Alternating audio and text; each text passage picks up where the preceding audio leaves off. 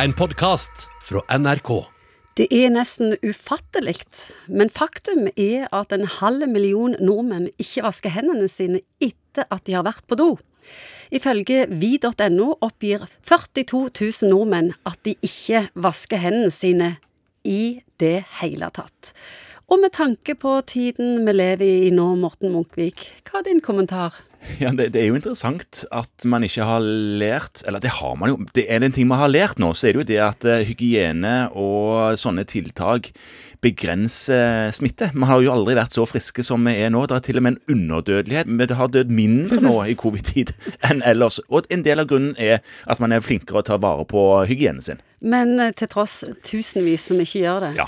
Nei, det høres jo ikke bra ut, det. Og kanskje er det en del som tenker at det holder å ta den spriten, men det er jo vist at en håndvask i såpe og vann er bedre enn spriting. Men betyr det at det ikke er så viktig som vi tror, når så mange gir beng?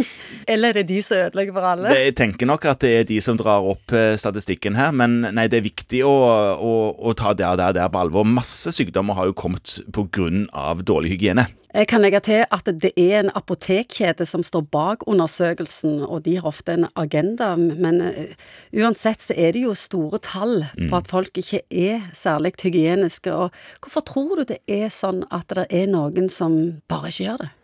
Tror det er latskap. Gidder ikke. Jeg ser jo ikke at de er noe skitne på hendene. Og er du mann, så har du kanskje ikke gjort annet enn å tatt på noe hud, tenker du kanskje, oppi hodet ditt. Og har stått og rista der. Ferdig med det. Ut. Ferdig. Du antyder det er menn som er verst. Ja, jeg var, jeg var engstelig for det. Hva, hva tror du hadde skjedd med samfunnet hvis alle bare hadde gjort jobben sin?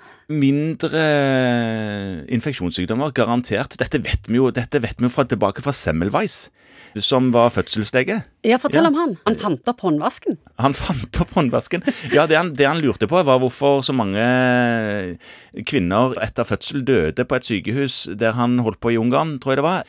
De som ble undersøkt av medisinstudenter, døde, og de som ble undersøkt av sykepleierstudenter og sånt, de døde ikke. Og forskjellen var at medisinstudentene hadde vært innom lik før de undersøkte etter fødsel hos kvinner, og dro med seg bakterier fra lik inn til kvinnene. Og så fant man ut at hvis bare legestudentene vasket hendene mellom likundersøkelsen og kvinneundersøkelsen, så døde de ikke. Så da oppfant han håndvasken ja, som en hygienisk tiltak. Tenk at det tok så mange år. Det var ikke før 1850 at det kom fram. Helt snålt når man ser på det nå, ja. Men dette mikroorganismeuniverset som finnes, det var man ikke klar over. Ironisk nok så døde vel Semmelweis av en blodinfeksjon. Oi. Altså han, han, fikk et sår, fikk infeksjon i såret sitt, og døde av det. Ja, og da var jo ikke antibiotika heller funnet opp. Nei, nei, nei. Det nei. kom jo ikke før på 40-tallet. Hva heter han da? Flemming. Mm. Og så var det noen amerikanere som løfta det fram i forbindelse med verdenskrigen, og ga det til folk som fikk infeksjoner i krigen. Og så ble det nobelpris av det. Hva tenker du om at vi ikke håndhilser lenger? Som lege så har jeg faktisk savna det, for jeg får ganske mye informasjon fra et håndtrykk. Ja. Så når jeg treffer folk på venterommet og sier hei og tar dem i hånden og hilser, så var det ganske mye info i det håndtrykket. For eksempel? Ja, for eksempel om det var et slapt håndtrykk, eller om huden var kald og klam, eller Om det er energi der. Om det er energi der, ja. Mm. Så det, det, savner jeg. Men jeg skjønner jo at man har blitt skeptisk til det. Man vet aldri hvor den hånden har vært, liksom. Du har hørt en podkast fra NRK. Hør flere podkaster og din NRK-kanal i appen NRK Radio.